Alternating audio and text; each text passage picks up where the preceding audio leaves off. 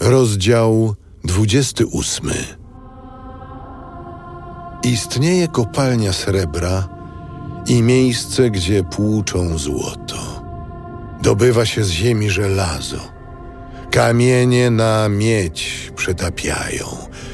Kres się kładzie ciemności. Przeszukuje się wszystko dokładnie.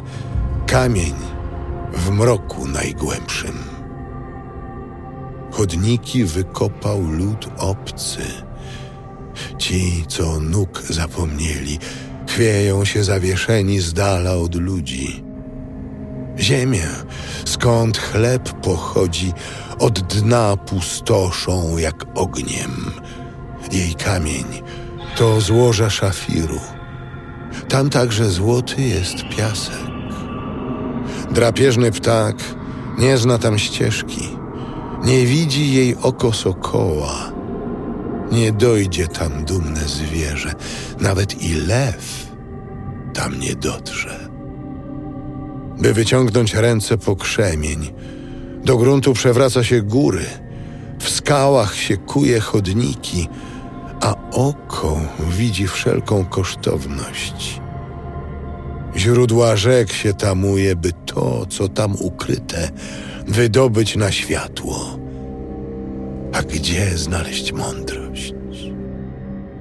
I gdzie jest siedziba wiedzy? Człowiek nie zna tam drogi. Nie ma jej w ziemi żyjących. Otchłań mówi: Nie we mnie. Mówi morze. Za czyste złoto jej się nie wymienia. Zapłaty za nią nie waży się w srebrze. Nie zrównoważy jej złoto z ofiru, ani rzadki onyks czy szafir. Złoto i szkło jej nierówne. Nie wymienisz jej na złote naczynie. Nie warte wspomnienia kryształ ani koral. Perły przewyższa posiadanie mądrości. Złocisty topas skórz nie da się z nią zestawić. Czyste złoto nie dorówna jej wagą. Skąd więc pochodzi mądrość? I gdzie jest siedziba wiedzy?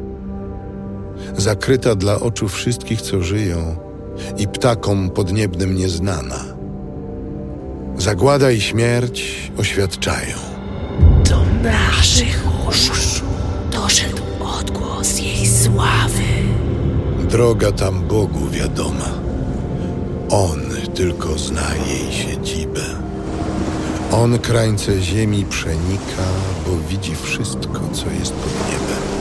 Gdy wagę wiatru ustalał, wodą miarę określał, wyznaczał prawo deszczowi i drogę błyskawicy gromów, wtedy ją widział i zmierzył.